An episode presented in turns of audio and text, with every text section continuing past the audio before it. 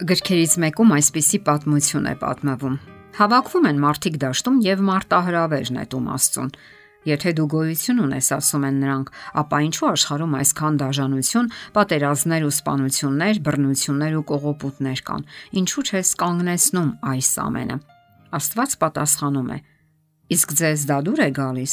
Իհարկե ոչ պատասխանում են մարդիկ, բայց չէ որ ես ձեզ ազատ կամքի ազատություն եմ տվել։ Ուրեմն ինչու եք դուք մարտնչում, բռնություն գործադրում, կողոպտում։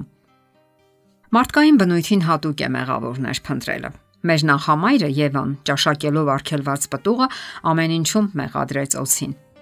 Ադամը մեղքը գցեց Եվայի եւ հենց իր Աստծո վրա, ով իրեն էր տվել կնոջը եւ այդ ցանկությունը ամեն ինչում մեղադրել ուրիշներին, մենք ժառանգել ենք մեր նախածնողներից, Ադամից ու Եվայից։ Երբ ակնհայտ չէ թե ով է մեղավորը, քարերն ու մեղադրանքներն ուղված են Աստծուն։ Այդպես եւ հեշտ է եւ հարմար։ Նրան են մեղադրում մեր աշխարհում տեղի ունեցող բոլոր չար, անհաճո եւ տհաճ երևույթների համար։ Արդյոք Աստված դաժան է։ Աստվածաշունչը մեզ է ներկայացնում բարի արարչին, ով ոչնչից արարեց Եդեմական այգին եւ այնտեղ բնակեցրեց մարդուն։ Նա ստեղծեց բնության օրենքները, որոնք ներդաշնակություն են հաստատում աշխարհում։ Այդ նույն Աստվածը խոստովանում է, որ սիրում է մեզ։ Մեզ իր զավակներն է անվանում, ցավում է մեր մեղքերի համար եւ վերջապես նա ամենամեծ զոհաբերությունն արեց մեր փրկության համար զոհաբերեց իր սիրելի որդուն Քրիստոսին։ Սակայն թերահավատները շարունակում են բացականչել։ Աստված դաժան է, նա մահվան է դատապարտել իր որդուն։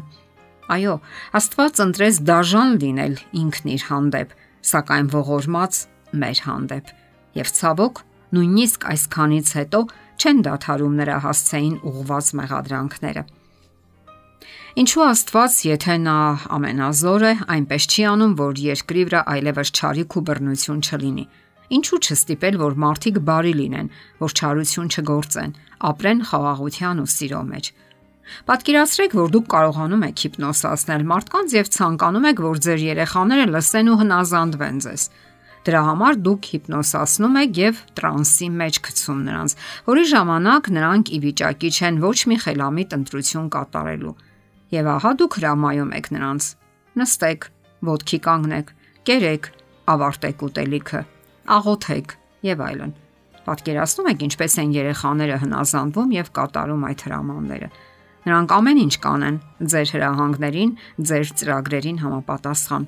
Բայց արդյոք դուր կգա ձեզ այդպիսի հնազանդությունը, ուրախություն կպատճառի այն ձեզ։ Հազիվ թե մենք արարված ենք Աստծո նմանությամբ եւ ազատ կամք ունենք Նա մեզ ազատ ընտրություն կատարելու իրավունք է տվել, որpիսի կարողանանք բարոյական որոշումներ ընդունել։ Սակայն հաճախ պատահում է այնպես, որ մենք եսասիրական եւ անբարոյական որոշումներ ենք ընդունում։ Երբ նման երևույթներ են լինում, որևէ մեկն անպայման դժում է։ Տարապանքը մարդկային ընտրության արդյունք է։ Ինչ է նշանակում լույս եւ ինչ է նշանակում խավար ցուրտ գոյություն չունի, այլ գոյություն ունի ջերմություն որպես էներգիայի աղբյուր։ Ջերմաստիճանը մենք չափում ենք ջերմության քանակով, այլ ոչ ցրտի։ Աստված չի ստեղծել խավարը, նա ստեղծել է լույսը, եւ խավարն առաջանում է այնտեղ, որտեղ բացակայում է լույսի աղբյուրը։ Չարն ինքնին գոյություն չունի։ Այն բարու բացակայությունն է։ Աստված լույսի եւ բարու աղբյուրն է, եւ չարն այնտեղ է դրսևորվում, որտեղ բացակայում է Աստված։ Ինչ որ մի ժամանակ երկնային գեղեցիկ քրեշտակն ապստամբեց Աստծո իշխանության դեմ եւ հրաժարվեց նրանից։ Այսպես տիեզերքում ծնվեց չարը։ Այդ հրեշտակին մենք այժմ անվանում ենք սատանա կամ դև, այսինքն հակառակորդ։ Երբ մենք հարցնում ենք, եթե Աստված ամենազոր է եւ բարի, ապա ինչու է թույլ տալիս ճարիքը երկրի վրա, սխալ հարց ենք տալիս։ Ճիշտ հարցը պետք է հնչի այսպես.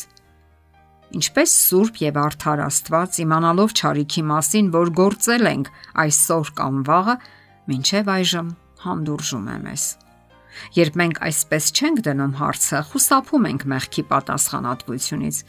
Մենք այն կարծիքին ենք, որ հիմնախնդիրն Աստծո մեջ է եւ ոչ մեր մեջ։ Երբ մենք հարցնում ենք, ինչու է Աստված թույլ տալիս ճարիքը, խոսում ենք այն մարդու դիրքերից, ով համոզված է, որ Աստծո հանդեպ առավելություն ունի, ինչն ուղակի ծիծաղաշարժ է ու անհեթեթ։ Մեզ թվում է, թե մենք բարոյական կատարելության մեջ ենք եւ ավելի լավ ենք հասկանում կյանքը։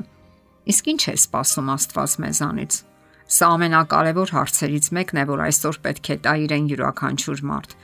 եւ մենք պետք է իմանանք, որ ամենազոր լինելով Աստված նաև սիրող եւ ողորմած է։ Նա ինչե վերջ հավատում է եւ հույս ունի մեր առումով, որ կգնանք ապաշխարության։ Նա հավատում է քեզ, եթե նույնիսկ դու չես շտապում ընդունել նրան քո սրտում։ Ժամանակի մի պահի, որն այնքան էլ հեռու չէ, նա պետք է ոչնչացնի անարթարներին ու ամբարիշտներին, սակայն ցանկանում է, որ դու չլինես նրանց մեջ Չարիքը մեկ ընդմիշտ իր վաղճանը պետք է ունենա, եւ դա ասում է Աստվածաշունչը։ Իսկ այժմ երկինքն ու այս երկիրը նույն խոսքով պահվում են դատաստանի կրակի եւ ամբարիշտ մարդկանց կործանման համար։ Տերը խոստումը չի ուշացնի, ինչպես ոմանք կարծում են, թե ուշացնում է, այլ մեր նկատմամբ համբերատար է, որովհետև չի ցանկանում, որ որևէ մեկը կորստյան մատնավի, այլ որ բոլորն էլ ապաշխարության գան։ Եթերում ղողանջ հավերժության հաղորդաշարն է։ Հարցերի եւ առաջարկությունների համար զանգահարել 033 87 87 87 հեռախոսահամարով։